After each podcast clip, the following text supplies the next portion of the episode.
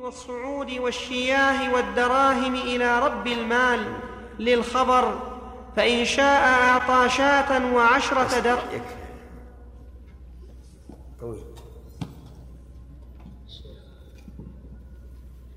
انتهى الوقت.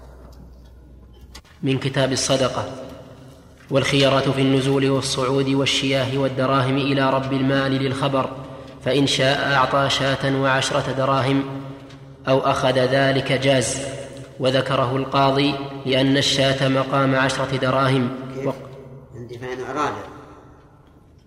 إعطاء شاة وعشرة دراهم. فإن شاء أعطى. ها؟ فإن شاء أعطى شاة وعشرة دراهم؟ أو أخذ ذلك جاز وذكره القاضي لأن ش... لأن ش... أعطى أو إعطاء. أعطى. لا ما يستطيع أنا عندي فإن أراد إعطاء. وكلمة شاء تحل محل أراد لكن أعطى ما له وجه. أعطى اكتبوها بد- بدل اكتب بدلها إعطاء.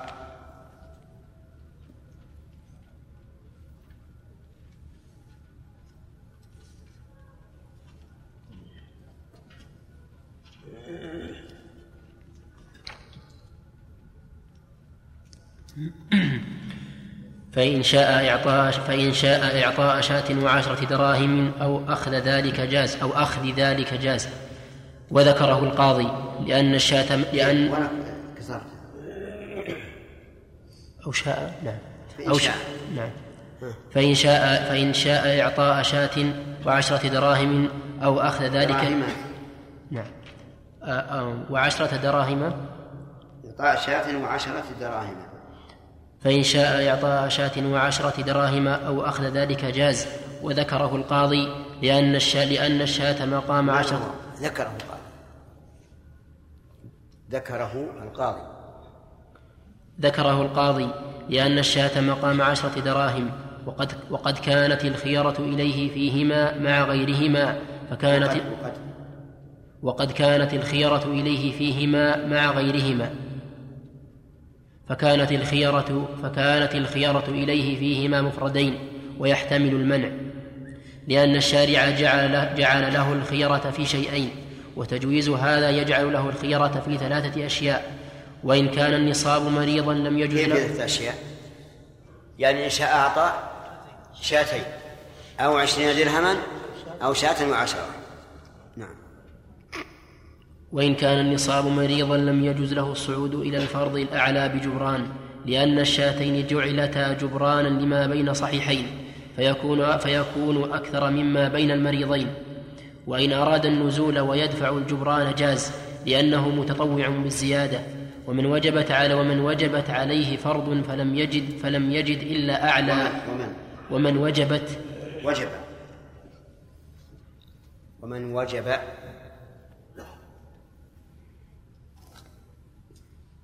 ومن وجب عليه فرض فلم يجد إلا أعلى منه بسنتين أو أنزل منه بسنتين فقال القاضي يجوز أن يصعد إلى الأعلى ويأخذ أربع شياه أو أربعين درهما أو ينزل إلى الأنزل وي- ويخرج معه أربع شياه أو أربعين درهما لأن الشارع جوز له الانتقال إلى الذي يليه وجوز الانتقال من الذي يليه إلى ما يليه إذا كان هو الفرض وهنا لو كان موجودا. وهنا لو كان موجودا فإذا عدم جاز العلو. وها هنا لو كان موجودا أجزى عندنا وجوز الانتقال من العدول. ها؟ وجوز الانتقال من العدول. جوز له الانتقال لأن الشارع جوز له الانتقال إلى الذي يليه وجوز الانتقال من الذي يليه إلى ما يليه. عندنا من العدول. ها؟ عندنا وجوز وجوز الانتقال من العدول إلى ما يليه.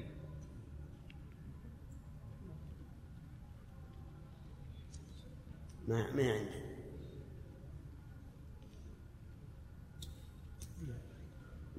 التصحيح حسن الله لا. اللي بعدها وه- وهنا وجوز الانتقال. وعندكم الانتقال؟ بل الانتقال العدول ها؟ بعد الانتقال. جوز الانتقال من العدول وجوز الانتقال من من الذي يليه بدل الذي يليه. يعني من, من الذي عدول؟ الانتقال من العدول إلى الذي يليه. إيه. لا عند الانتقال من الذي يليه. هو صحيح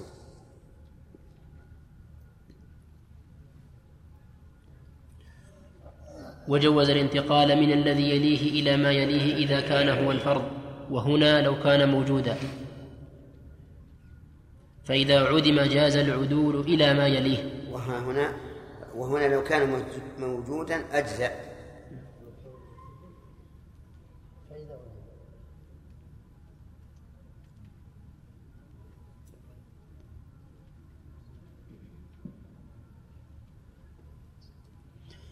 وها هنا لو كان موجودا أجزأ. فإذا عدم جاز العدول فإذا عدم جاز العدول إلى ما يليه. وقال أبو الخطاب لا يجوز لأن النص إن نعم. نقص عندكم أجزاء النقص. لا العبارة. فيها عندنا وهنا لو كان موجودا فإذا عدم جاز العدول إلى ما يليه. لا موجودا أجزاء فإذا عدم جاز العدول إلى ما يليه. وقال أبو الخطاب وقال أبو الخطاب لا يجوز لأن النص إنما ورد بالانتقال إلى ما يليه فأما إن وجد سنا يليه لا يجوز لا يجوز له الانتقال إلى الأبعد لأن النبي صلى الله عليه وسلم أقام الأقرب مقام الفرض ولو وجد الفرض لم ينتقل عنه فكذلك إذا وجد الأقرب لم ينتقل عنه وإن أراد أن. وإن أراد أن يخرج مكان الأربع شياه والله ظهر كلام أبي الخطاب أحسن.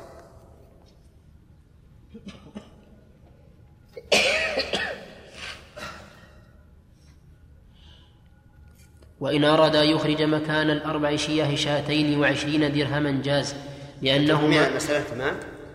يعني مثلا الإنسان عنده فرض ولكن يعني عليه فرض لكن ليس عنده.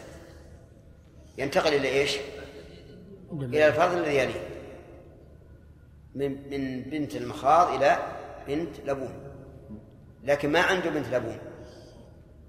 وعنده حقة.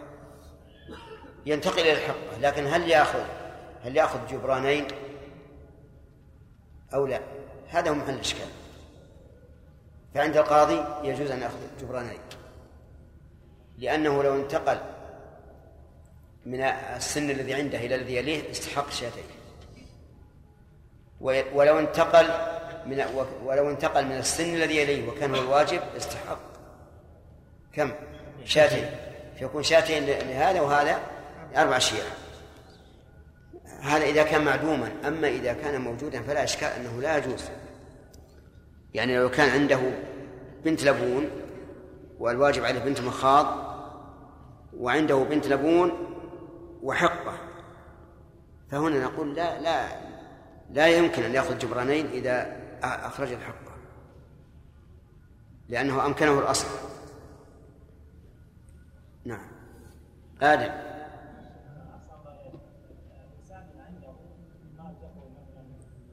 عنده إيش؟ لا ترى ما في جبران غير الإبل.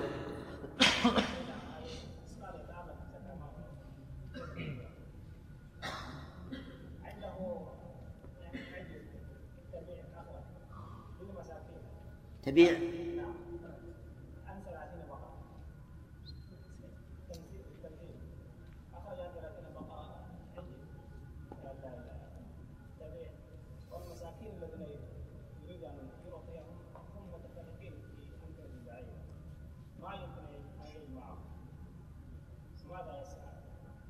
لا هو ما يمكن. يعني لا يمكن يذبح التبيع الآن. لا بد أن يعطيه مستحق.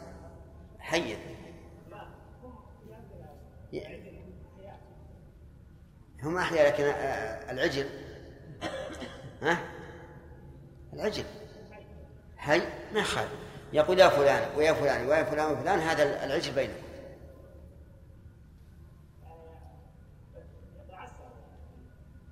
يدور بينهم ما هو لازم. يدور فقراء آخرين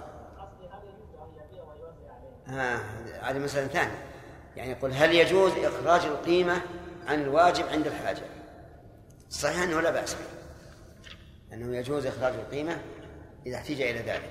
مثلا يقول كم قيمة التبيع؟ قيمة مثلا 500 ريال.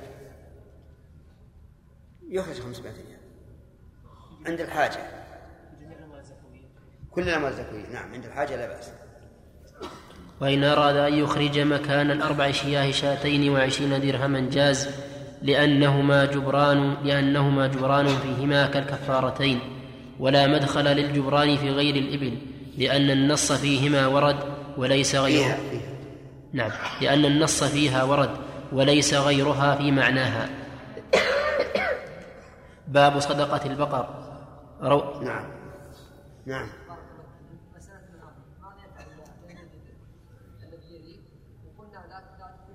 يشتري.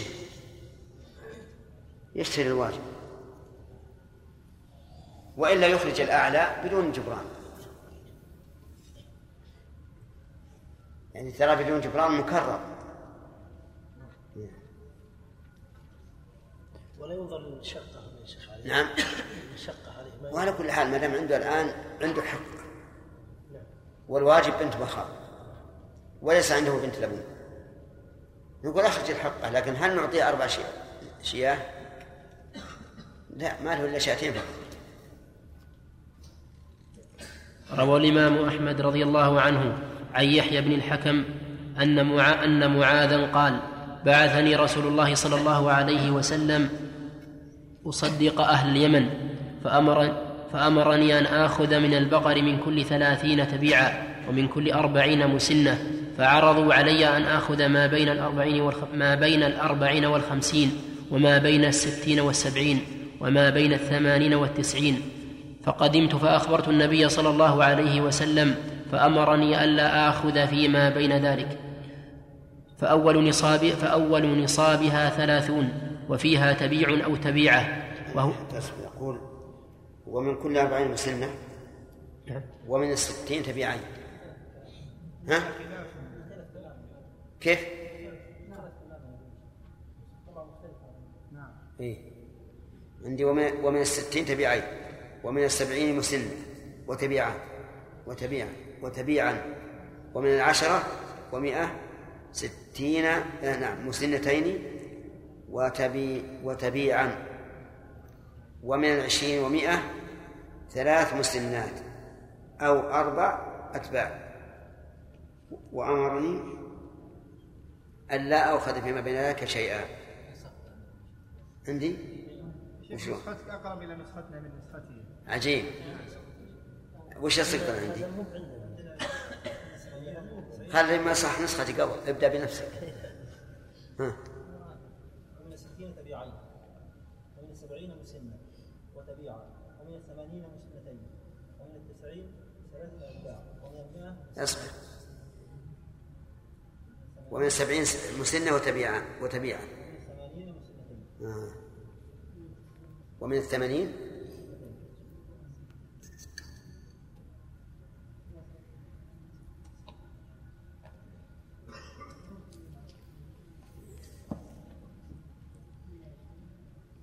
ومن ثلاثة أتباع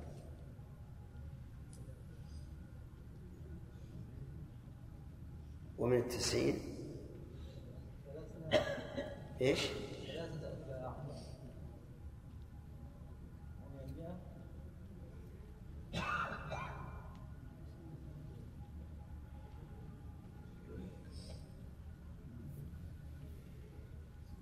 ثلاثة. ومن العشرة ومن المئة ها. ومن المئة سنة وتبيعين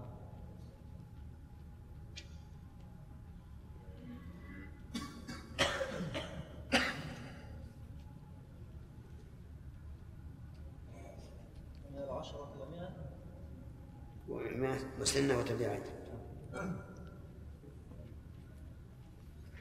العشرة ومئة مم. سنتين وتبيعا نعم ومن العشرين مئة ومن العشرين ومئة ثلاث مسنات أو أربعة أتباع وأمرنا لا أعلم إيه طيب صح؟ ها؟ شلون؟ كل هذا غير موجود عندنا غير موجود عندكم؟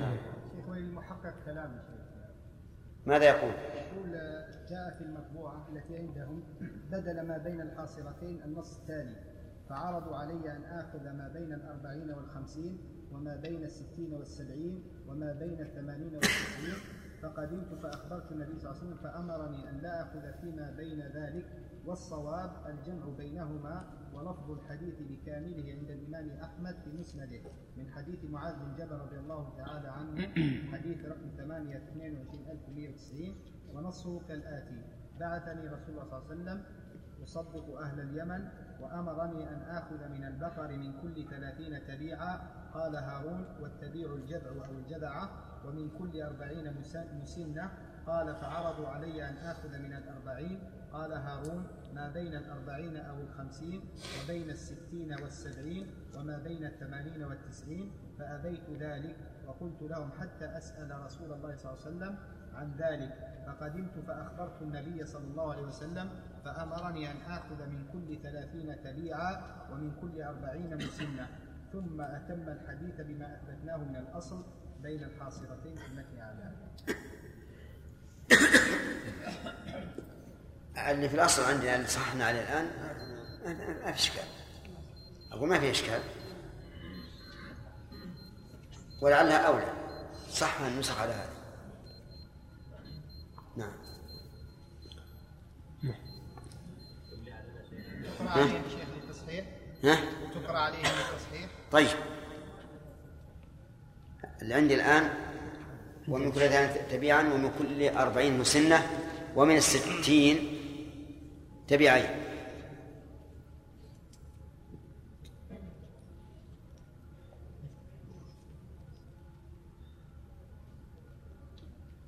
والخمسين. نعم. مسنة. لأنها وقص ومن الستين تبيعين ومن السبعين مسنة وتبيعا. ومن الثمانين مسنتين. ومن التسعين ثلاثة أتباع.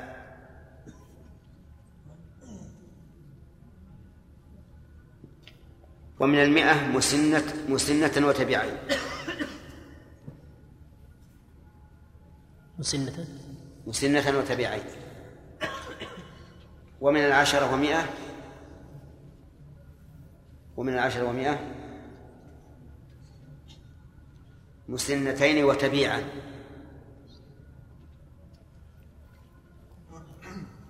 ومن العشرين ومئة ثلاث مسنات أو أربعة أتباع أو أربعة أتباع أو أربعة أتباع. ومن عشرين ومئة ثلاث مسنات أو أربعة أتباع. وأمرني أن لا آخذ فيما بين ذلك شيئا.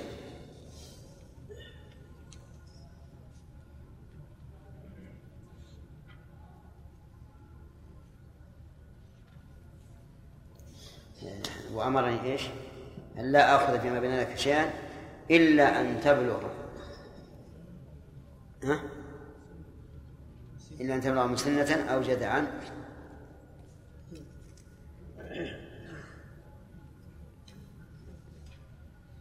كذا عندكم؟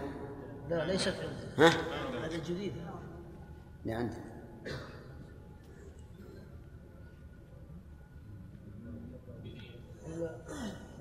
شيء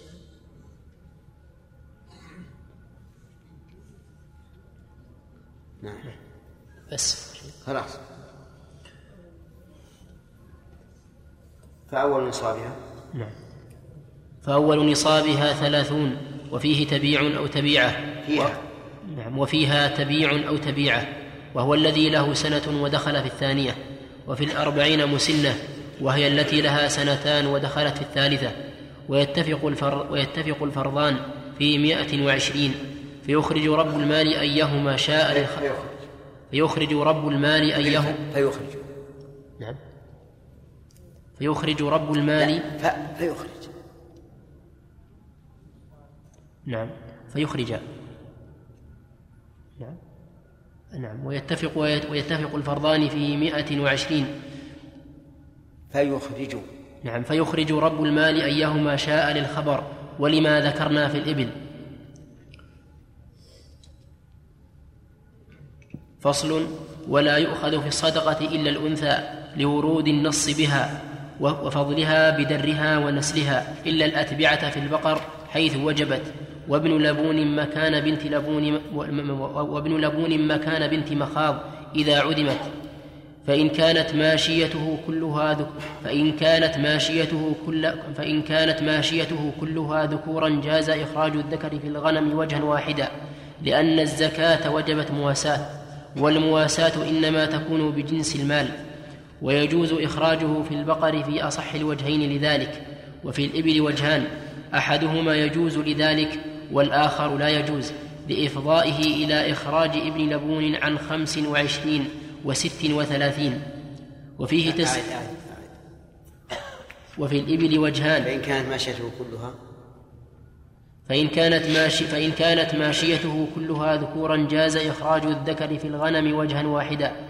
لأن الزكاة وجبت مواساة والمواساة إنما تكون بجنس المال ويجوز إخراجه في البقر في أصح الوجهين لذلك وفي الإبل وجهان أحد أحدهما يجوز لذلك والآخر لا يجوز. وفيه تسوية بين النصابين. لا يجوز لإفضائه. نعم. والآخر لا يجوز لإفضائه إلى إخراج ابن لبون عن خمس وعشرين وست وثلاثين.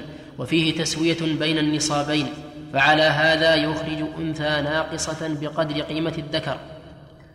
وعلى الوجه الأول يخرج ابن لبون عن النصابين ويكون التعديل بالقيمة. ويحتمل أن يخرج ابن مخاض عن عن خمس وعشرين فيقوم الذكر مقام الأنثى التي في سنه كسائر النصب. ويحتمل ألا يخرج الذكر فعلى هذا يخرج أنثى ناقصة بقدر قيمة الذكر. وعلى الوجه الأول يخرج يخرج يخ وعلى الوجه الأول يخرج ابن لبون عن نصابين ويكون التعديل بالقيمة. هذا مهم عندي كله لكن إن شاء الله الدرس القادم.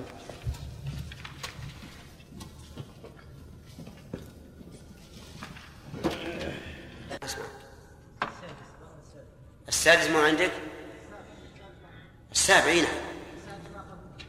ليش؟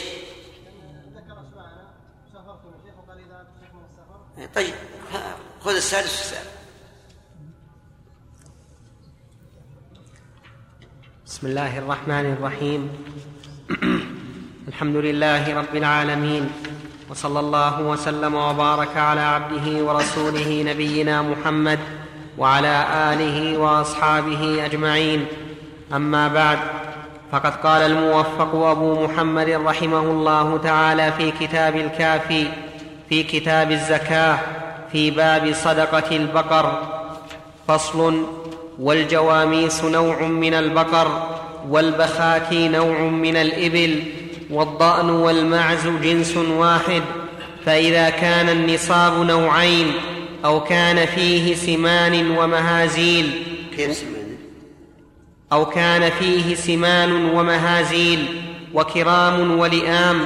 أخرج الفرض من أيهما شاء على قدر المالين فإن كان نصفين وقيمة الفرض من أحدهما عشرة ومن الآخر عشرين أخذه من أيهما شاء أخذه من أيهما شاء قيمته خمسة عشر إلا أن يرضى رب المال بإخراج الأجود. كذا العبارة عندكم أخذه أخذه. هذا واضح كلام المؤلف ما يحتاج إلى تعليق. إذا اختلف النوع فإنه يأخذ من أحد النوعين على قدر المالين. وإن أعطاه رب المال من من الأطيب فهذا خير.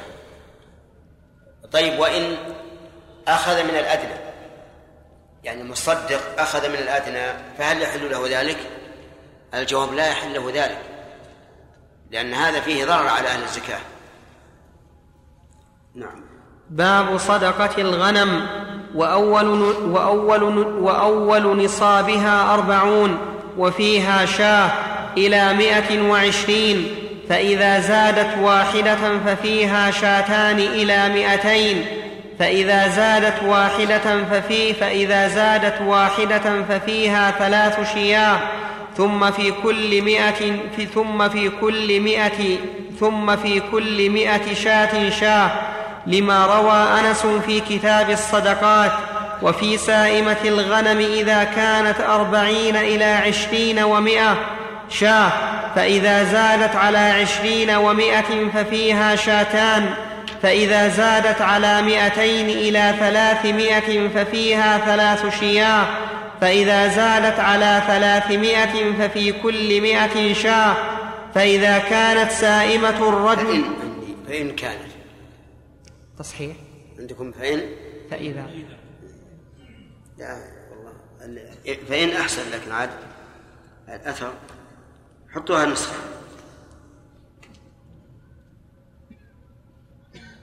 فإن كانت سائمة الرجل ناقصة عن أربعين شاء عن أربعين شاة شاة عن أربعين شاة شاة واحدة فليس فيها صدقة إلا أن يشاء ربها. وعن أحمد أن في ثلاث أن في ثلاثمائة وواحدة أربع شياة ثم في كل مائة شاة ثم في كل ثم في كل مئة شاة شاة اختارها ثم؟ في كل مئة شاة شاه. اختارها أبو بكر لأن النبي صلى الله عليه وسلم جعل الثلاثمائة جعل الثلاثمائة جعل الثلاثمائة غاية. فيجب تغير الف... فيجب تغير فيجب فيجب تغير الفرض بالزيادة عليها. عندي خطأ يا شيخ. والأول أصح. والأول أصح.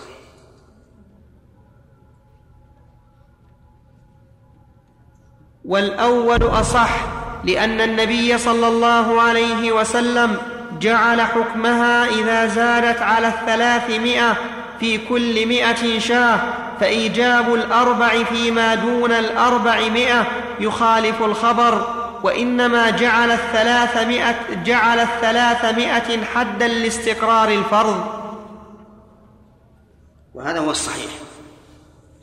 أنه إذا إذا بلغت ثلاثمائة وزادت ففي كل مائة شاة ففي الثلاثمائة وفي الأربعمائة أربعة. أربع شياه الوقص الآن كم؟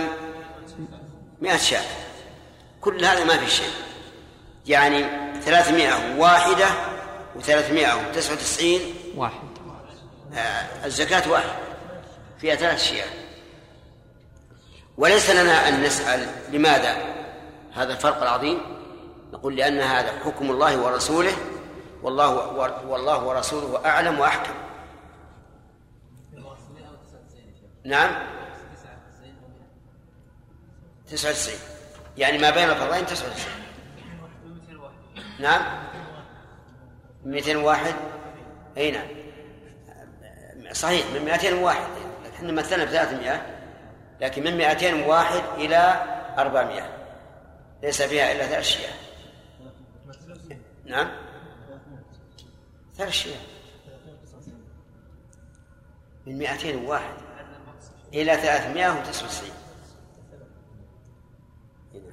فصل ولا يجزئ في الغنم إلا, الج... إلا الجذع من الضأن وهو ما له ستة أشهر والثني من المعز وهو الذي له سنة لما روى سعر بن ديسم قال أتاني رجلان على بعير فقالا إنا رسولا رسول الله صلى الله عليه وسلم لتؤدي صدقة غنمك قلت فأي شيء تأخذان؟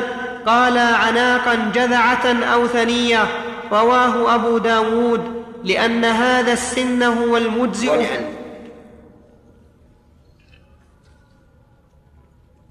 ولأن هذا السن هو المجزئ في الأضحية دون غيره كذلك في الزكاة فإن كان في ماشيته كبار, كبار وصغار لم يجب فيها إلا المنصوص ويؤخذ الفرض بقدر قيمة المالين. ولذلك قال عمر اعتد, اعتد عليهم بالسخلة يروح بها الراعي على يده ولا تأخذها منهم. على يديه. مثنى نسخة. يروح بها الراعي على يديه ولا تأخذها منهم. فإن كانت كلها صغارا جاز إخراج الصغير. لقول الصديق رضي الله عنه لو منعوني عناقا كانوا يؤدونها إلى رسول الله صلى الله عليه وسلم لقاتلتهم عليها ولا تؤدى العناق إلا عن صغار ولأن الزكاة تجب. نحذف الواو يا شيخ. إيه نعم. لأن التعليل الأخير لأن الزكاة تجب مواساة فيجب أن تكون من جنس المال. وقال أبو بكر لا تجزئ إلا كبيرة للخبر فإن كانت ماشيته الصغار وهو أن الرسول عليه الصلاة والسلام أمر أن تؤخذ إما جدعة وإما ثنية. و وحينئذ نحتاج إلى الجواب عن حديث أبي بكر. فيقال إن أبا بكر أراد بذلك المبالغة. يعني لو عنقون حتى لو منعوني حتى الصغيرة لقاتلتهم. بدليل أنه في بعض ألفاظ الحديث لو لو منعوني عقالا كانوا يؤدونه لكن من حيث النظر قد يقال إن الأرجح أنه لا بأس في اخراج الصغيرة إذا كان إذا كان النصاب كله صغار لأنه لا يكلف الإنسان شيئا ليس في ماله منه. فإن كانت ماشيته الصغار إبلا أو بقرا ففيه وجهان أحدهما تجزئه الصغيرة لما ذكرناه في الغنم وتكون الصغيرة الواجبة في ست وأربعين زائدة على الواجبة في ست وثلاثين بقدر تفاوت ما بين الحقة وبنت اللبون وهكذا في سائر النصب تعدل بالقيمة. والثاني لا يجزئ إلا كبيرة لأن الفرض يتغير بزيادة السن فيؤدي إخراج الصغيرة إلى التسوية بين النصابين فعلى هذا يخرج كبيرة ناقصة القيمة بقدر نقص الصغار عن الكبار وعنه أيضا لا ينعقد على الصغار الحول حتى تبلغ سنا يجزئ في الزكاة لئلا يلزم هذا المحذور. كل هذه الأوجه الثلاثة الروايات الثلاث تحتاج إلى تأمل أيها ارجح لكن الأقرب مت- اتباع النص في كل خمس وعشرين بنت مخاض. ويمشي على ما جاء به النص. لكن تكون جيدة أو تكون أقل بحسب قيمة الصغار. هذا أقرب ال- ال- الروايات الثلاث مع أنها تحتاج إلى إلى تأمل. فصل إيش؟ كيف؟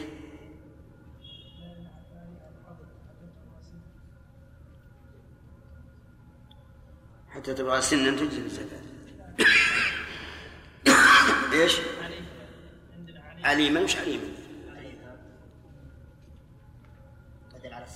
وعنه لا ين- لا ينعقد على الصغار لا على أحسن نعم بارك الله فيكم ما في الحديث السابق دليل على على إيش؟ العناق اذا كان اذا كان نصاب كله صغار حديث سعد بن نعم قال قال قلت باي شيء تاخذان قال عناقا جدعه أو ثنيه فسرها؟ فسروا العناق بأنها جدعة وثنية نعم يعني بلوغ السن المعتبر الشرع في المخرج فقط؟ إيه؟ لا في النصاب. لا النصاب ما- ذكر المؤلف إذا كان فيه صغار وكبار هذا ما في إشكال لكن إذا كان كله صغار. ذكر المؤلف فيها الخلاف. هل لا بد من أن يكون جدع وثنية على قدر قيمة الصغار؟ أو له أن يخرج من الصغار. هذا في الغنم. في الإبل والبقر الشارع قدر هذا. تبيعة وتبيعة مسن مسنة. الإبل بنت مخاض بنت لبون حقة جذعة. فهل يجب أن أن نخرج ما نص عليه الشرع أو نقول يخرج من الصغار؟ أو نقول الصغار لا ينعقد عليها الحول لأن النبي عليه الصلاة والسلام قال فيها كذا وكذا فلا بد أن تبلغ السن المقدر. أقول هذه كلها فيها يعني تحتاج إلى تأمل.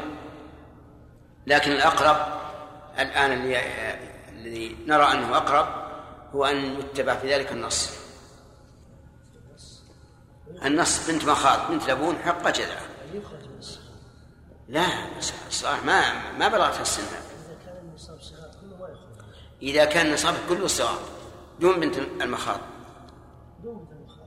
هذا هو محل الإشكال. فصل. وفيه رواية الثلاثة نعم. فصل. ولا يجزئ في الصدقة هرمة ولا معيبة ولا تيس. لقول الله تعالى ولا تيمموا الخبيث تنفقون ولا تيمموا الخبيث منه تنفقون. وروى أنس في كتاب الصدقات ولا يخرج في الصدقة هرمة ولا ذات عوار ولا تيس.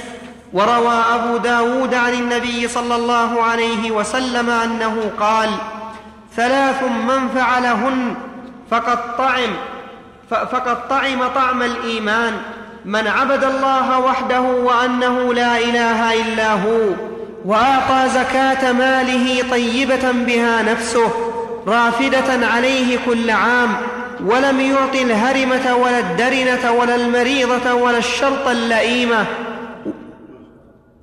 ولا الشرط اللئيمه ولكن من وسط أموالكم فإن الله لم يسألكم خيره ولم يأمركم بشره. الشرط رذالة المال والدرنة الجرباء. فإن كان بعض النصاب مريضا وبعضه صحيحا لم يأخذ إلا صحيحة على قدر المالين. وإن كان كله مريضا أخذ أخذت أخذت مريضة أخذت مريضة منه. وقال أبو بكر لا يؤخذ إلا صحيح لا يؤخذ إلا صحيحة بقيمة المريضة. والقول في هذا كالقول في الصغار. فصل ولا يؤخذ في الصدقة الربا وهي التي ت... الربا فصل ولا يؤخذ في الصدقة الربا وهي التي تربى في البيت للبنها وال وهي التي تربى في البيت للبنها. لا التي تربي ولدها. وهي التي تربي ولدها. اي نعم. ها؟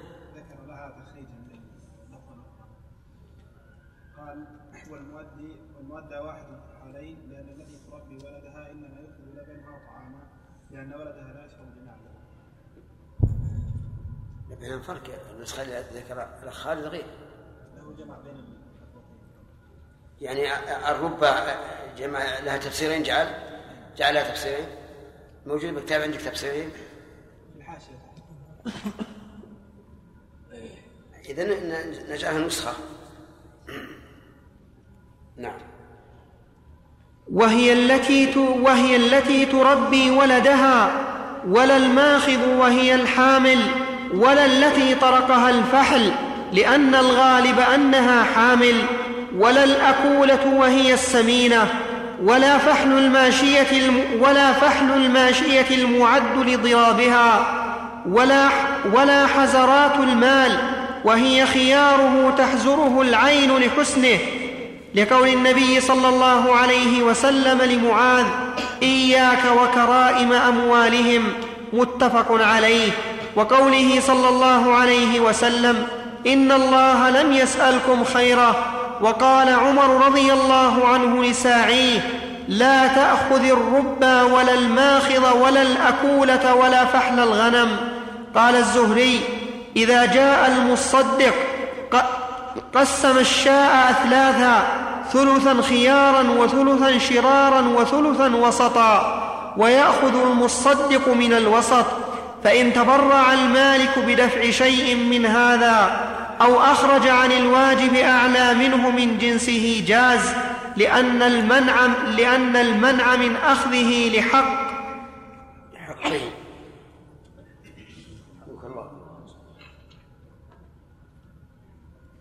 لأن المنع من أخذه لحقه فجاز برضاه كما لو دفع فرضين مكان فرض.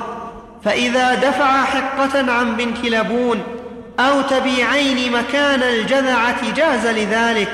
ولأن التبيعين يجزئان جاز ذلك.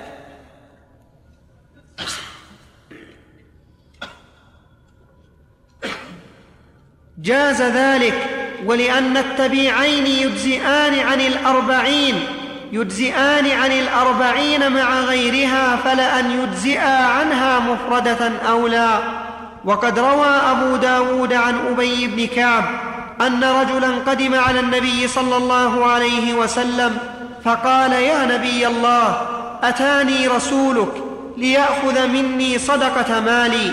فزعم أن ما علي فيه بنت مخاض فعرضت عليه ناقة فتية سمينة فزعم أن ما علي فيه بنت مخاض فعرضت عليه ناقة فتية سمينة فقال له رسول الله صلى الله عليه وسلم ذاك الذي وجب عليك فإن تطوعت بخير آجرك الله فيه وقبلناه منك.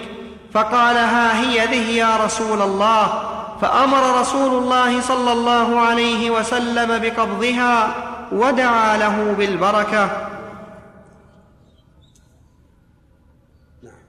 فصل ولا تجزئ القيمة في شيء من الزكاة وعنه يجزئ لأن المقصود غنى الفقر تجزئ.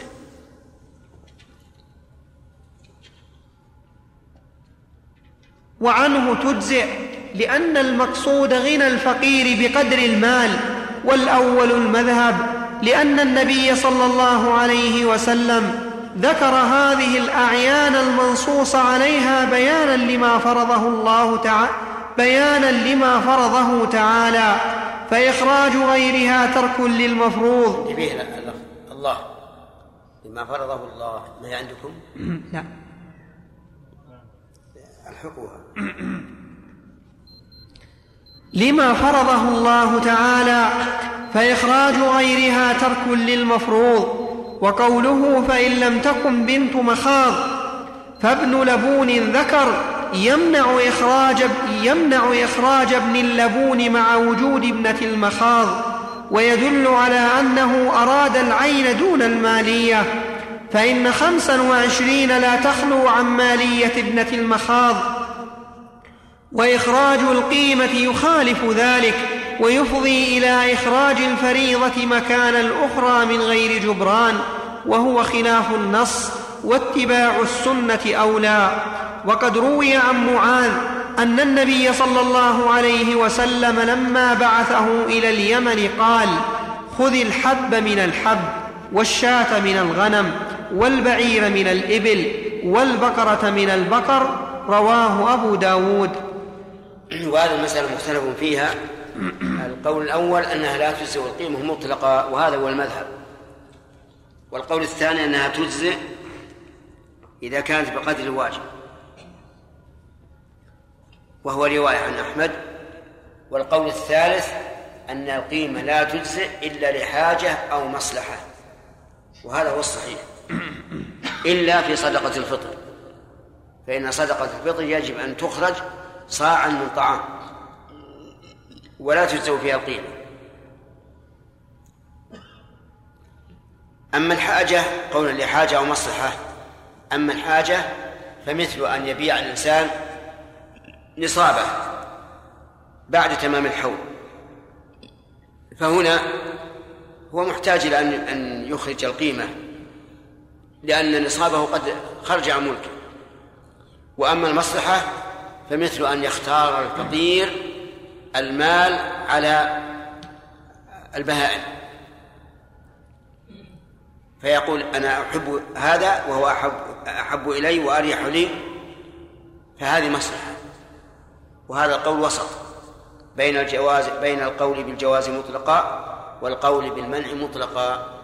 فيقال إذا كان هناك حاجة أو مصلحة فلا بأس وإلا فلا. في باب حكم الخلطة وهي ضربان. خلطة بالضم الخلطة بالضم باب حكم الخلطة وهي ضربان. خلطة أعيان بأن يملكا مالا مشاعا يرثانه أو يشتريانه أو غير ذلك. وخلطة أوصاف وهو أن يكون وهو وهي. وهي.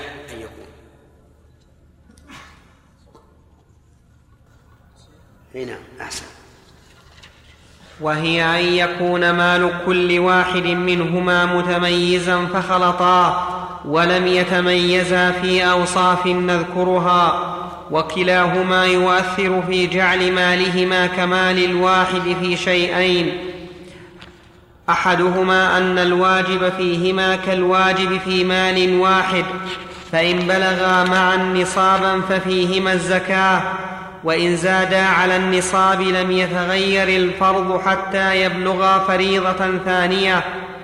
فلو كان لكل واحد منهما عشرون فلو كان لكل واحد منهما عشرون كان عليهما شاه. وإن كان لكل واحد منهما ستون لم يجب أكثر من شاه. وإن كان لهما مال غير مختلف. ستون. ستون مع ستين؟ كم؟ كم فيها؟ شاة. واحدة مع أنه لو فردا لكان كل واحد عليه شاة. نعم. وإن كان لهما مال غير مختلط تبع المختلط في الحكم فلو كان لكل واحد منهما ستون فاختلط في أربعين لم يلزمهما إلا شاة في مالهما كله. لأن مال الواحد يضم بعضه إلى بعض في الملك فتضم الأربعين المنفردة إلى العشرين المختلطة ف- إيش؟ ف- ف- فتضم الأربع فتضم الأربعين فتضم الأربعين المنفردة إلى؟ ال- عندكم أربعون إذا عندنا فيضم الأربعين فيضم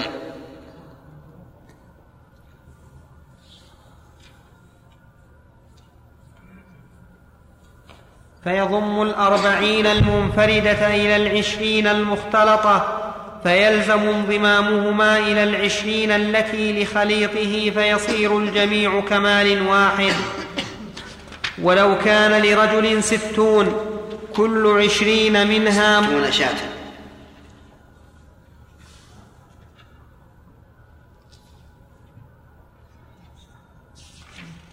ولو كان لرجل ستون شاة كل عشرين منها مختلطة بعشرين لآخر فالواجب شاة واحدة نصفها على صاحب الستين ونصفها على الخلطاء على كل واحد سدس شاة لما ذكرناه. فإن كان لأحدهم شاة مفردة لزمهم شاتان. والثاني أن الساعي أخذ الفرض من مال أيهما شاء. إيش؟ والثاني أن الساعي أخذ الفرض من مال أيهما شاء. للساعي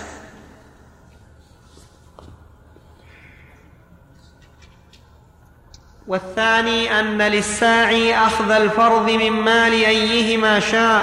سواء دعت إليه حاجة لكون الفرض واحدا.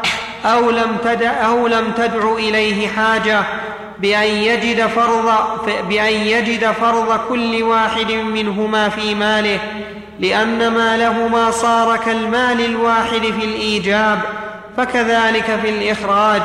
ولذلك قال النبي صلى الله عليه وسلم وما كان من خليطين فإنهما يتراجعان بينهما بالسوية رواه البخاري. يعني إذا اخذ إذا أخذ الفرض في مال أحدهما وال يعني إذا أخذ الفرض من مال أحد. صحيح؟ نعم.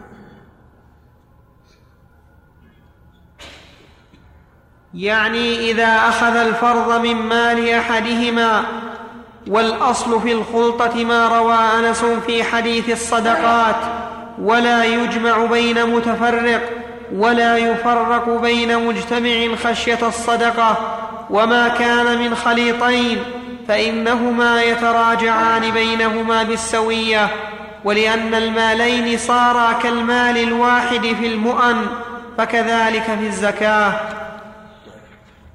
أفهمت هذه المسألة؟ الخلطة نوعان خلطة أعيان وخلطة أوصاف.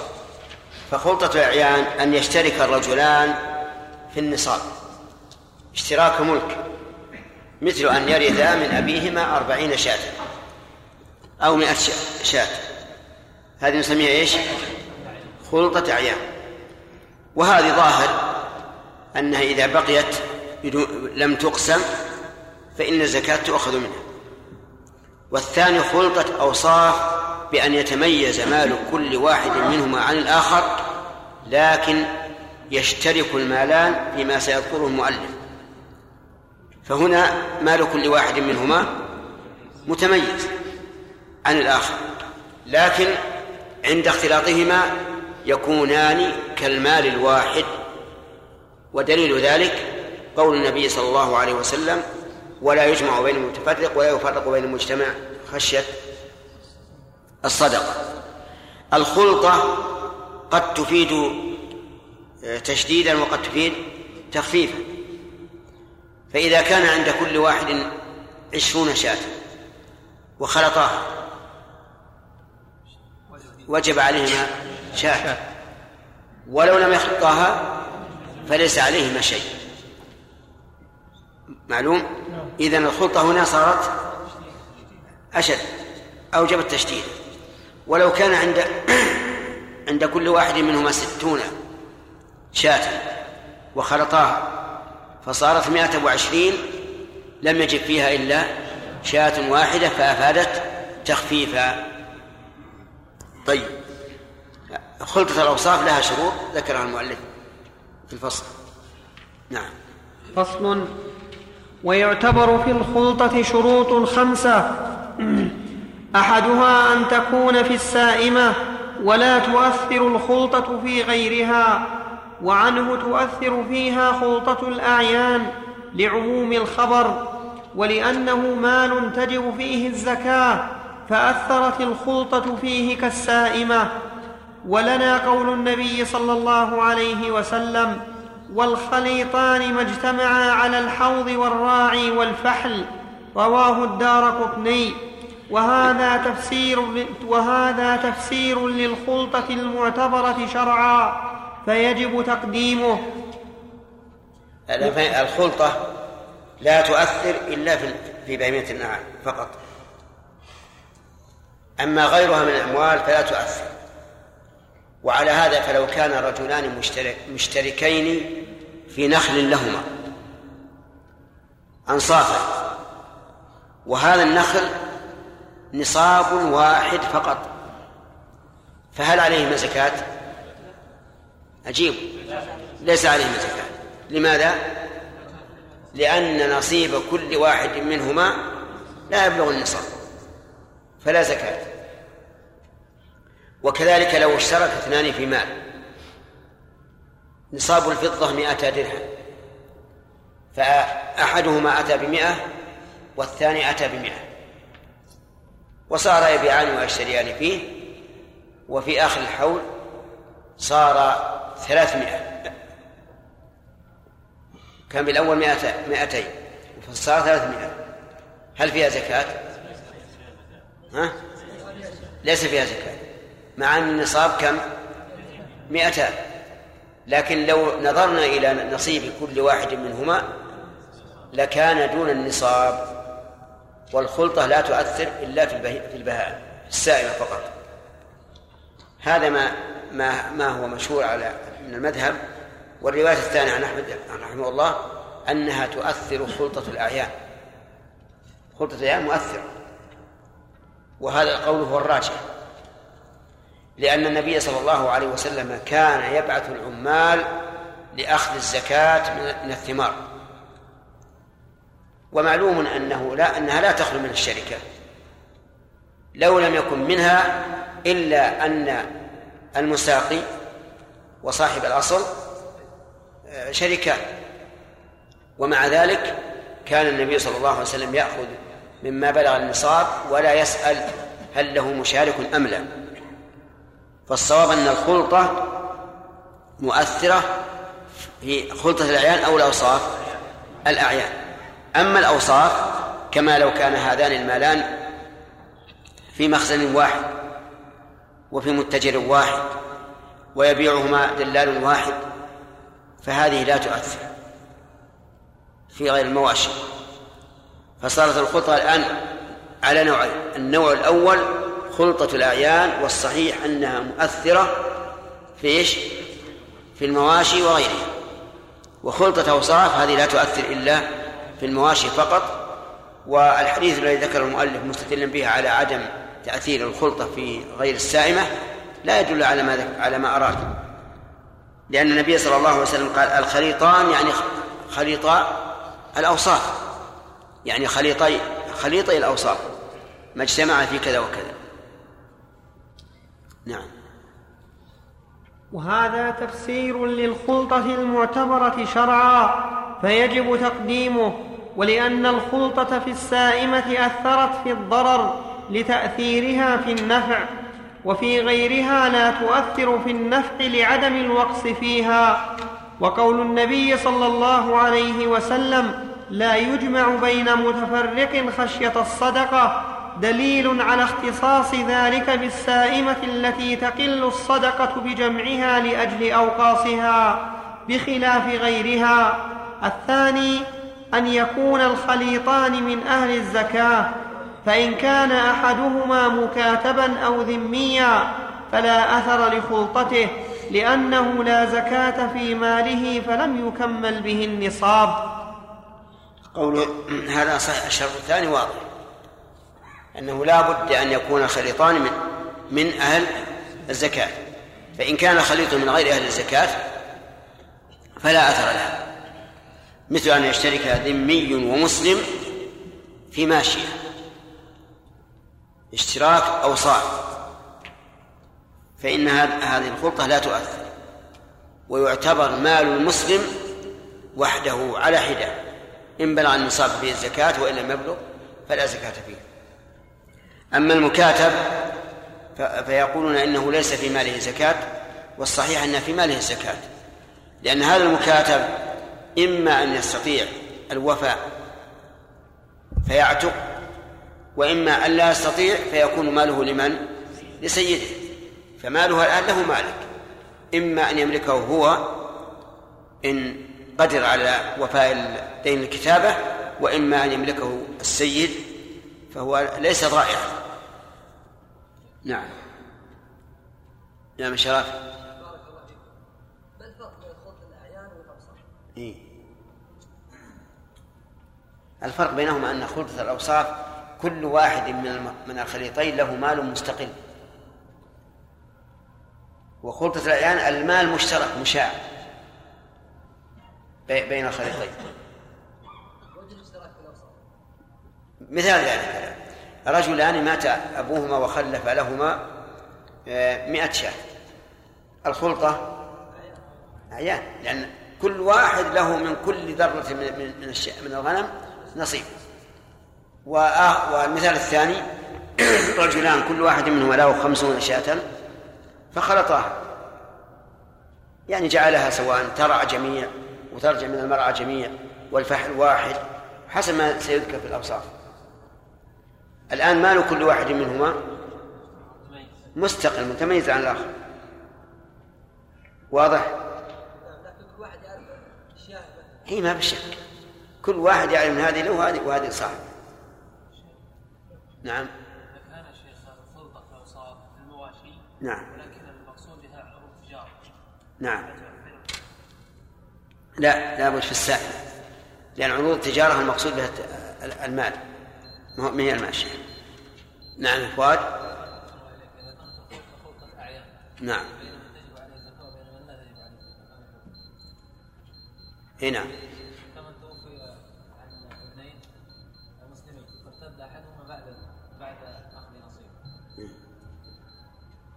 طيب. كيف يزكي المسلم حقا؟ يزكي حقه إذا بلغ النصاب. إذا كان يبلغ النصاب زكاه وإن لم يبلغ النصاب فلا زكاة عليه. إلا إذا كان عنده من جنسه فيضمه يضمه إليه. يعني على جميع المال أو نصف لا على نصفه. أما الثاني ما ما ما عليه زكاة. نعم. شيخ عندي سؤال عن الزكاة. الذي ماله من حرام يدخل له مال حرام. فهل عليه زكاة؟ نعم. نعم يا شيخ أنا لم أفهم وجه ذلك. مر علينا هذا؟ نعم، مر علينا هذا من قبل؟ يعني هو إشكالي وقول النبي صلى الله عليه وسلم إن الله طيب لا يقبل إلا طيب نعم هذا ما ما ما تعتبر زكاة مطهرة لماله ولا مطهرة لإيمانه. هذه حق الفقراء لا بد أن يؤخذ يعني قول النبي صلى الله عليه وسلم لا يقبل إلا طيب الله ما يقبل معلوم. أرأيت الإنسان إذا إذا سرق مالا وتاب؟ وتصدق به تخلصا منه. هل يقبله الله على أنه صدقه؟ نعم. نعم. نعم لا يقبل لا يقبل لكن تبرأ به الذمة. لماذا نقص عليه الفوائد المأخوذة مثلا من البنوك؟ إنها إيش؟ لأن الإنسان إذا أخذها نعم. يمديه أنه يصرفها مثلا في مصاريفها. إذا تاب لا بأس. يصرفها في أي مصرف لكن لا يتقرب إلى الله تعالى بالصدقة بها. يتقرب إلى الله بالتوبة منها. الشرط الثالث أن يختلطا في نصاب فإن اختلطا فيما دونه مثل أن يختلطا في ثلاثين شاة لم تؤثر الخلطة سواء كان لهما مال سواه أو لم يكن لأن المجتمع دون النصاب فلم تجب الزكاة فيه. وظاهره ولو كان له مال من جنس المختلط رجلان اختلطا في ثلاثين شاة. لكل واحد خمس عشرة شاة. لكن أحدهما عنده شياه أخرى. عنده شياه أخرى. عنده خمس وعشرون شاة بمكان آخر. فهذا عنده ما يبلغ النصاب. أليس كذلك؟ أما الآخر الذي ليس عنده إلا خمس عشرة شاة فهذا ليس عليه شيء. لكن الثاني هل يجب عليه شيء أو لا يجب؟ لا يجب. لا يجب لأن لأنها متفرقة. في مكان خمسة خمسة وعشرون شاة وفي مكان آخر خمس عشرة شاة فلا يجب عليه. لكن القول الراجح أنه يجب عليه ذلك تجب عليه الزكاة. لأنه ملك كم؟ آه نعم ملك نصابا. ملك أربعين شاة. نعم. الشرط الرابع أن يختلطا في ستة أشياء لا يتميز أحدهما عن صاحبه فيها وهي المسرح والمشرب والمحلب والمراح والراعي والفحل. لما روى الدار قطني بإسناده عن سعد بن أبي وقاص أنه قال سمعت رسول الله صلى الله عليه وسلم يقول لا يجمع بين متفرق ولا يفرق بين مجتمع خشية الصدقة والخليطان ما اجتمعا في الحوض والفحل والراعي نص على هذه الثلاثة فنبه على سائرها. ولأنه إذا تميز كل مال بشيء مما ذكرناه لم يصيرا كالمال الواحد في المؤن ولا يشترط حلب المالين في إناء واحد لأن ذلك ليس بمرفق بل ضرر لاحتياجهما إلى قسمته. نعم. أن يختلطا في ستة أشياء. المسرح يعني مكان السرح فلا يكون أحدهما يسرح شرقا والثاني غربا بل يكون المسرح واحد واحدا. وهل يشترط الزمن؟ نعم يشترط. يعني بحيث لا يكون أحدهما يسرح بالليل والثاني بالنهار. إذن المسرح زمانا ومكانا. المشرب يعني أنهما يشربان من ساقية واحدة. ليس لأحدهما ساقية منفردة به. والثالث آه، المحلب يكون حلبهما في مكان واحد. وهل يشترط أن يخلط الحليب؟ لا ليس بشرط. والمراح يعني المأوى والمبيت يكون واحدا والراعي يكون واحدا. فإن كان لكل واحد منهما راع يرعى آه، ماشيته فليس ذلك بخلطة. أما لو كان راعيين لكنهما يرعيان جميع آه، السائمة فهما كراع واحد. طيب والفحل يعني أنه ليس لأحدهما فحل يختص بطرق ماشيته. بل الفحل يطرق ماشية هذا وماشية هذا. فإن كان لكل واحد منهما فحل يختص بماشيته فليس هذا خلطة والله أعلم. انتهى الدرس. الحديث له وقت المراجعة ما فيها أي صدقت أحسنت. يلا توكل الكافي. هذا دلسوا علينا الله يهديهم. أقول الكافي يا شيخ. ها؟ الكافي. ما هو بهذا؟ بسم الله الرحمن الرحيم. الحمد لله رب العالمين. وصلى الله وسلم وبارك على عبده ورسوله نبينا محمد وعلى آله وأصحابه أجمعين.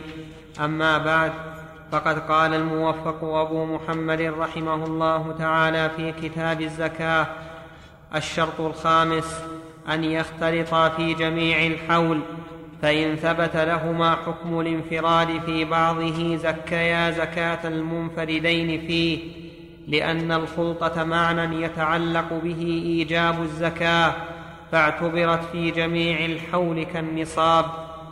فإن كان مال كل واحد منهما منفردا فخلطاه زكياه في الحول الأول زكاة الانفراد وفيما بعده زكاة الخلطة. فإن اتفق, حو فإن اتفق حولاهما مثل أن يملك كل واحد منهما أربعين في أول المحرم وخلطاها في صفر فإذا تم حولهما الأول أخرجا شاتين فإذا تم الثاني فعليهما شاة واحدة. وإن اختلف حولاهما لأن الحول, الحول الأول ما في خلطة. وعند كل واحد منهما أربعون أي نصاب. نعم. نعم. لا كملنا. كملنا. نعم. فإذا تم حولهما الأول وأخرجا شاتين فإذا تم الثاني فعليهما شاة واحدة وإن اختلف حولاهما فملك أحدهما أربعين في المحرم والآخر أربعين في صفر فخلطاها في ربيع أخرجا شاتين للحول الأول فإذا تم حول الأول والثاني فعليه نصف شاة فإن أخرجها من غير النصاب فعلى الثاني عند تمام حوله نصف شاة وإن أخرجها من النصاب فعلى الثاني من الشاة بقدر ماله من جميع المالين. فإذا كان ماله أربعين ومال صاحبه أربعون إلا نصف شاه فعليه أربعون جزءا من تسعة وسبعين جزءا ونصف من شاه ونصف من شاه. وإن ثبت لأحدهما حكم الانفراد دون صاحبه نحو أن يملكا نصابين. فخلطاه فخلطاهما ثم باع أحدهما ماله أجنبيا. فعلى الأول شاة عند تمام حوله لأنه ثبت له حكم الانفراد. فإذا تم حول الثاني فعليه زكاة الخلطة لأنه لم يزل مخالطا في جميع الحول. فصل. أنا أرى أنه نمشي نمشي. لأن في صعوبة. وعارف أنكم ما فاهمين. والمسألة قليل يعني قليلة الفائدة. متى يأتي بدوان بدويان ويختلطان هذه مسألة تكاد تكون الآن نادرة. إلا كان في أفريقيا عند الأخ آدم وجماعته ما ندري. نعم؟ نعم. نعم. كلها ما ما نشرح عليها فصل. فإن كان بينهما لا- لولا أننا نحب أن نصحح الكتاب بعد تركناه مرة حتى في القراءة. نعم. فصل. فإن كان بينهما نصابان مختلطان فباع أحدهما غنمه بغنم صاحبه وأبقياها على الخلطة. هما وأبقياهما. ويصلح أبقياها أي الغنم. وأبقياهما على الخلطة لم ينقطع حولهما ولم تزل خلطتهما وكذلك إن باع البعض بالبعض من غير إفراد قل المبيع أو كثر فأما إن أفرداها ثم تبايعا ثم خلطاها و... سم. تبايعاها فأما إن أفرداها وتبايعاها ثم خلطاها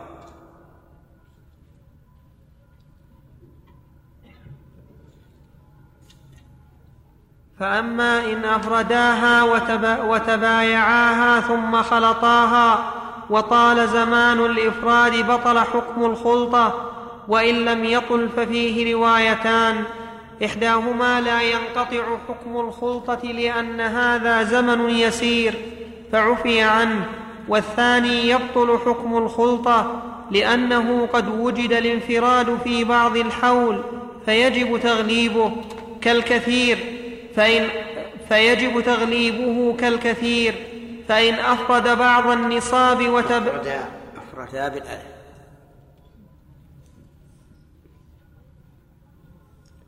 فإن أفردا بعض النصاب وتبايعا وكان الباقي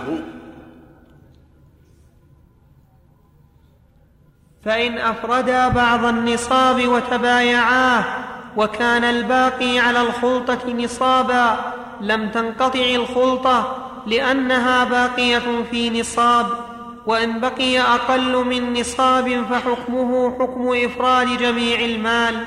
وذكر القاضي أن حكم الخلطة ينقطع في جميع هذه المسائل ولا يصح. نعم. نعم. جميع هذه المسائل. وذكر القاضي أن حكم الخلطة ينقطع في جميع هذه المسائل ولا يصح لأن الخلطة لم تزل في جميع الحول والبيع لا يقطع حكم الحول في الزكاة فكذلك في الخلطة ولو كان لكل واحد أربعون مخالطة لمال آخر فتبايعاها مختلطة أو مختلطة لم يبطل حكم الخلطة وإن أول. هذه هذه من من كي من كيسي. إي لا، خل كيسك ينشق على ما يبقى بشيء.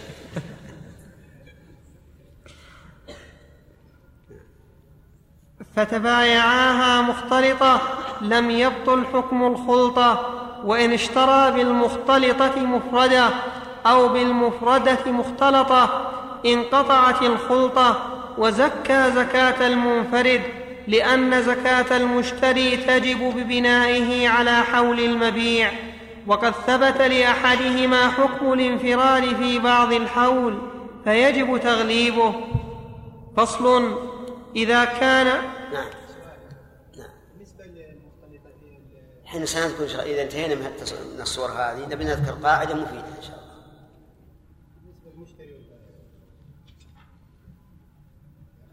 المشتري ي- يبني على هذا خطة أوصاف ما هي خطة أعيان حتى نقول انتقل فيها الملك. نعم. فصل. إذا كان لرجل نصاب فباع نصفه مشاعا في الحول فقال أبو بكر ينقطع حول الجميع لأنه قد انقطع في النصف المبيع فكأنه لم يجر في حول الزكاة أصلا فلزم انقطاعه في الباقي. وقال ابن حامد لا ينقطع الحول فيما لا, لم لا لا. لا إيش؟ لا ينقطع. نعم. وقال اب- سم. جزمتها أنت. سم. نعم. وقال ابن حامد لا ينقطع الحول فيما لم يبع لأنه لم يزل مخالطا لمال جار في حول الزكاة. وحدوث الخلطة لا يمنع ابتداء الحول فلا يمنع استدامته.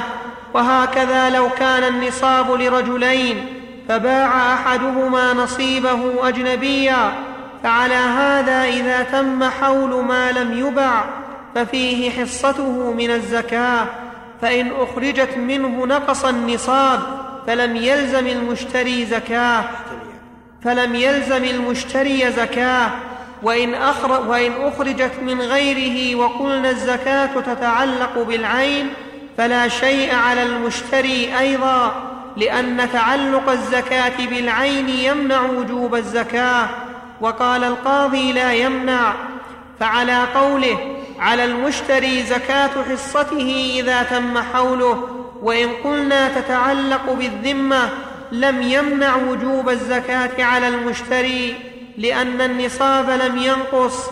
فأما إن أفرد بعض النصاب وباعه ثم خلطه المشتري بمال البائع فقال ابن حامد ينقطع حولهما لثبوت حكم, لثبوت حكم الانفراد لهما وقال القاضي يحتمل ألا ينقطع حكم حول البائع لأن هذا زمن يسير لا ينقطع حول البائع عندكم حكم؟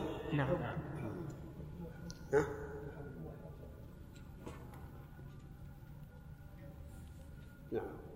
ولو كان لرجلين نصاب خلطة فاشترى أحدهما نصيب صاحبه أو ورثه أو اتهبه في أثناء الحول فهذه عكس المسألة الأولى صورة ومثلها معنى فهذه عكس المسألة الأولى صورة ومثلها معنى. فه فهذه عكس المسألة الأولى صورة ومثلها معنى. لأنه في الأول كان خليطا. في الأولى.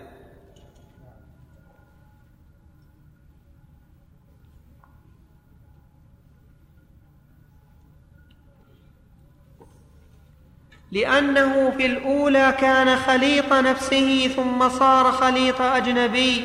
وها هنا كان خليط أجنبي فصار خليط نفسه. والحكم فيها كالحكم في الأولى لاشتراكهما في المعنى. ولو استأجر أجيرا يرعى غنمه بشاة منها فحال الحول ولم يفردها فهما خليطان. ولو أفردها فنقص النصاب. وإن وإن. وإن أحسن؟ وإن أفردها فنقص النصاب فلا زكاة فيها لنقصانها. فيهما.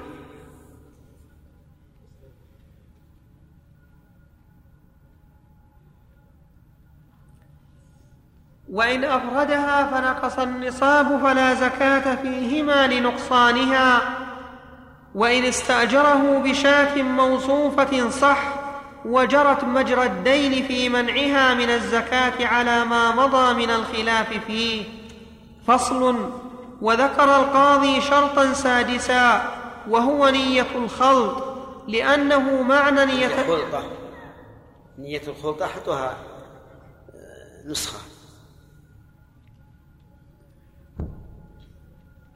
وذكر القاضي شرطا سادسا وهو نية الخلطة لأنه معنى يتغير به الفرض فافتقر إلى النية كالسوم.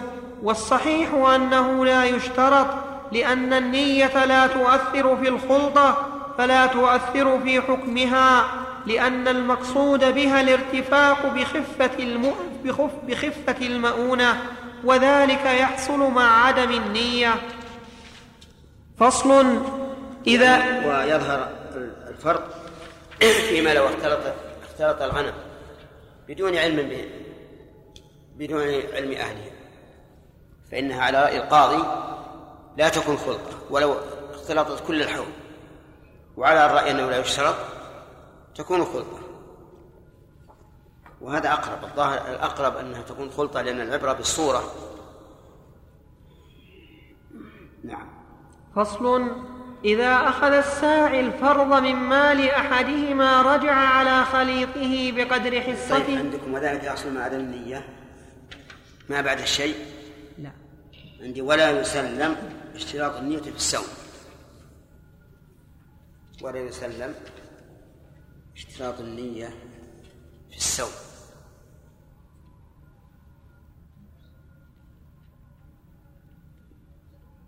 وهذا صحيح.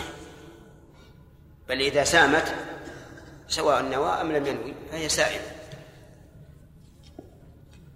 ولا يسلم اشتراط النية بالسوم فصل إذا أخذ الساعي الفرض من مال أحدهما رجع على خليطه بقدر حصته من المال لقول رسول الله صلى الله عليه وسلم وما كان من خليطين فإنهما يتراجعان بينهما بالسوية فإذا كان لأحدهما الثلث فأخذ الفرض أو فأخذ بل فإذا كان لأحدهما الثلث فأخذ الفرض من ماله رجع على خليطه بقيمة ثلثه.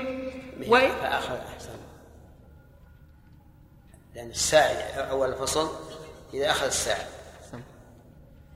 فإذا كان لأحدهما الثلث فأخذ الفرض من ماله رجع على خليطه بقيمة ثلثه. و... ثلثيه.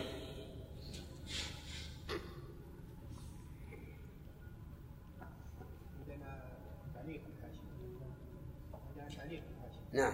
قال وهو خطأ ثلثه وأثبتنا له في الأصل أنه صحيح لأن خليطه يمتلك ثلثي قطيع الخليط فعليه ثلثي الفرد والأول له ثلث فيرجع على خليطه بثلثين. إيه طيب. وإن أخذه من صاحبه رجع صاحبه عليه بقيمة ثلثه فإن اختلفا في القيمة فالقول قول المرجوع عليه. إذا عدمت البينة لأنه غارم فالقول قوله كالغاصب وإن أخذ الساعي أكثر من الواجب بغير تأويل فأخذ مكان الشاة اثنتين لم يرجع على صاحبه إلا بقدر الواجب. لأن الزيادة ظلم فلا يرجع بها على غير ظالمه وإن أخذه صحيح أنه يرجع وأنهم يتساوون في الظلم والعدل لأن الساعي أخذ ثنتين عن إيش؟ عن مالهما عن ماليهما جميعا فيرجع عليه بما ظلمه وهذا هو العدل. نعم. وإن أخذه بتأويل فأخذ صحيحة كبيرة عن مراض صغار رجع على صاحبه لأن ذلك إلى اجتهاد الإمام فإذا أداه اجتهاده إلى أخذه وجب دفعه إليه وكان بمنزلة الواجب وإن أخذ القيمة رجع بالحصة منها لأنه مجتهد فيه. فصل فإذا كانت سائمة الرجل في بلدين لا يقصر بينهما لا يقصر بينهما لا الصلاة تقصر.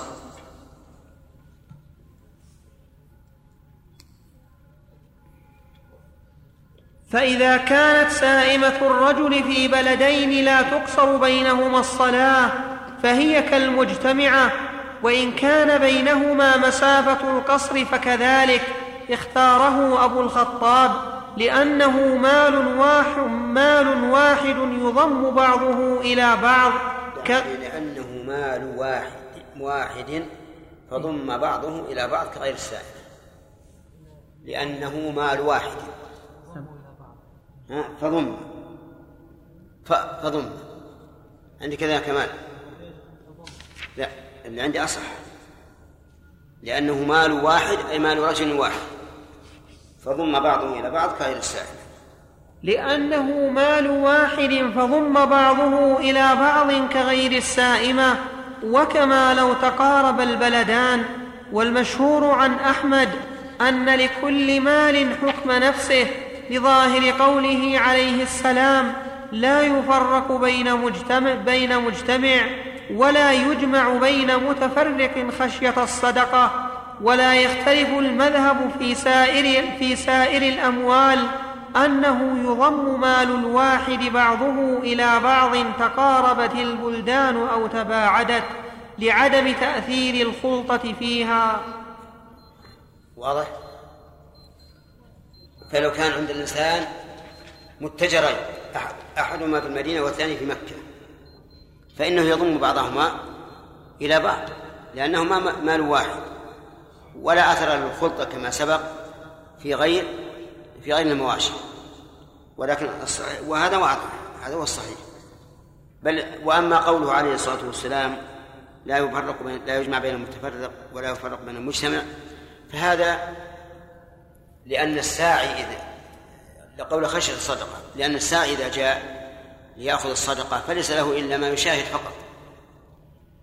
فقد يفرق الإنسان ماله يجعل مثل عشرين منه عشرين شاة في جهة وعشرين شاة في جهة أخرى والساعي إذا جاء ليس له إلا ما شاهد هل يأخذ الزكاة في هذه الحال أو لا؟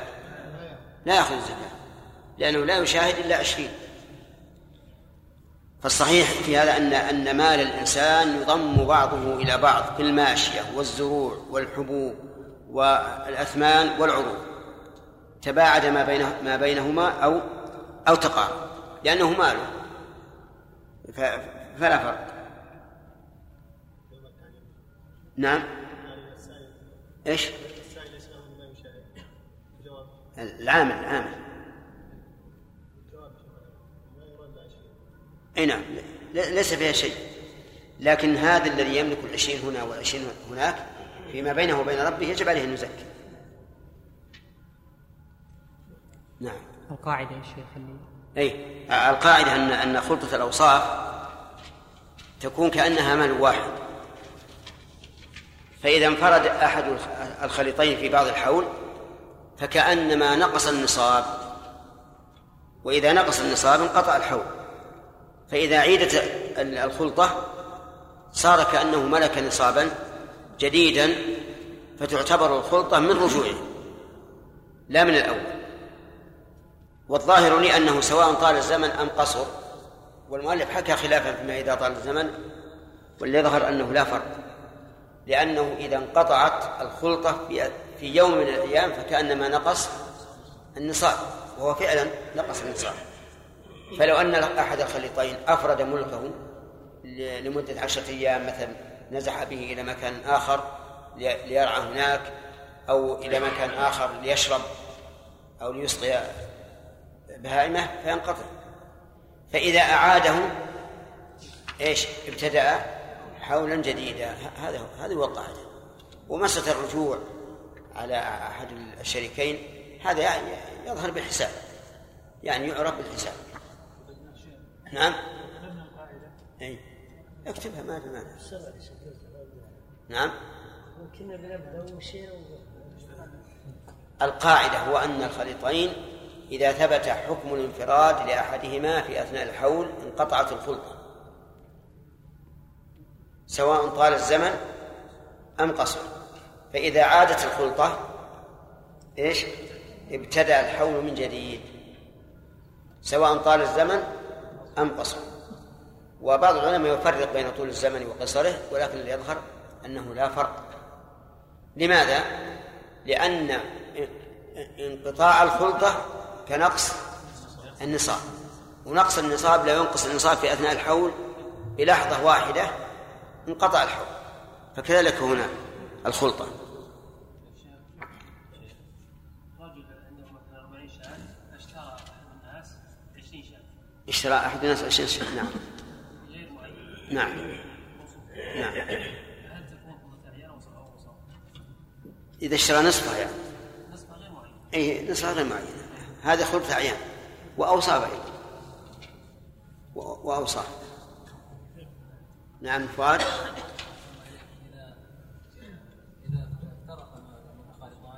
إيش؟